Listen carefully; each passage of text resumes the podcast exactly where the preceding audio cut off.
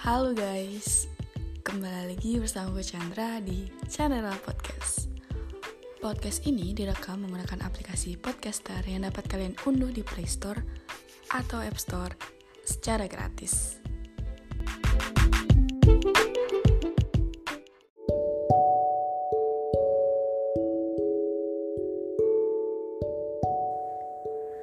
Ayo, siapa yang pernah merasakan patah hati?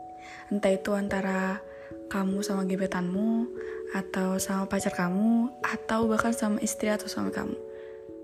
Nah, selama menjalani hubungan, kamu pasti menambahkan hal-hal yang menyenangkan, hubungan penuh komitmen, kepercayaan, cinta, dan bahkan pengorbanan. Benar tidak?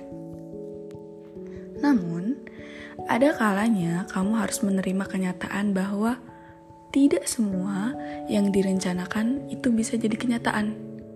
Hingga akhirnya hubungan itu harus berakhir, meninggalkanmu dengan luka, kekecewaan dan rasa sakit karena kehilangan.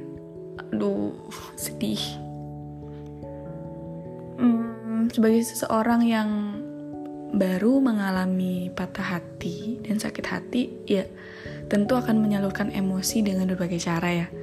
Mulai dari menyakiti diri sendiri, menangis, hingga merasa kapok dan gak mau lagi pacaran lagi.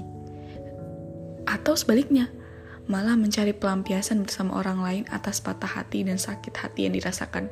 Aduh, kasihan dong ya orang lainnya. ya, apa pun itu, kalau kamu gak menghadapi dengan memberikan kesempatan pada waktu untuk bisa menyembuhkan luka tersebut, ya ya bakal susah untuk mencari pengganti atau mencintai orang lain lagi gitu. Salah-salah ketika diri kamu memaksa mencintai orang lain namun kamu belum sembuh sepenuhnya malah melampiaskan rasa marah, sakit, dan kecewa kepada orang lain. Sehingga ya tetap aja sulit menjalani hubungan yang sehat. Nah, Karenanya kita tuh perlu untuk sembuh dari luka sebelum akhirnya menjalin hubungan dengan orang yang baru. Hmm, kalau kalian ngerasain itu, kalian gak sendiri kok. Hampir semua orang pernah mengalami yang namanya patah hati. Bahkan mama ayahku juga pernah kok patah hati. Mungkin hubungan cinta itu berakhir karena bisa karena dimanipulasi, di PHP, atau bahkan diselingkuhi. Lantas, kamu merasa kehilangan diri kamu sendiri. Kamu lupa kalau misalkan kamu tuh juga butuh bahagia, kita tuh juga butuh bahagia gitu loh. Kemudian kamu mulai merasa gak percaya diri deh. Itu gak boleh ya teman-teman.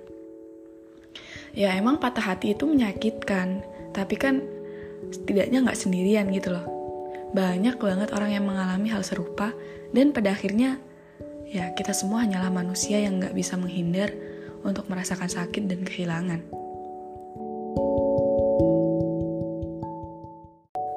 Sebagai manusia, tentunya pernah dong mengalami masa-masa kelam dan sulit. Tapi gimana pun juga, ya kita harus ingat bahwa selalu ada hikmah di balik setiap kesulitan.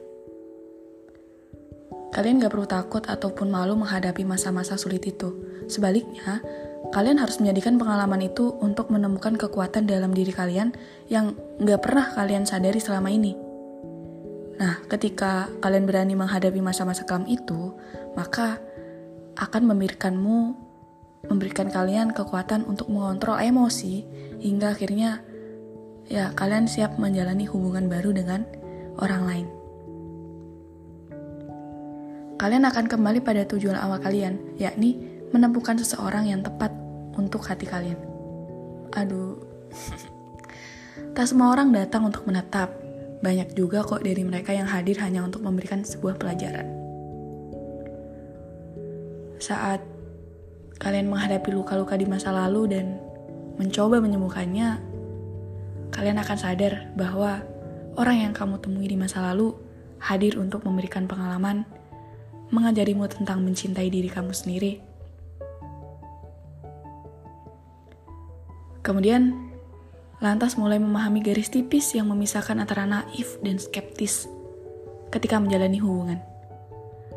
Ketika kalian sudah sembuh, kalian akan sadar bahwa masih ada orang yang tulus di luar sana yang pantas untuk mendapatkan hati kalian, menginginkan kalian, serta mendoakan hal-hal baik kepada kalian.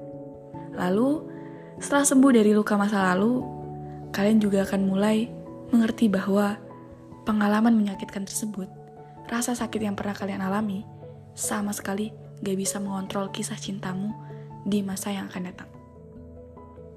Sekaligus, ya, kalian akan memahami bahwa pengalaman pahit itu akan memberikan kalian cara pandang baru dalam hal mencintai.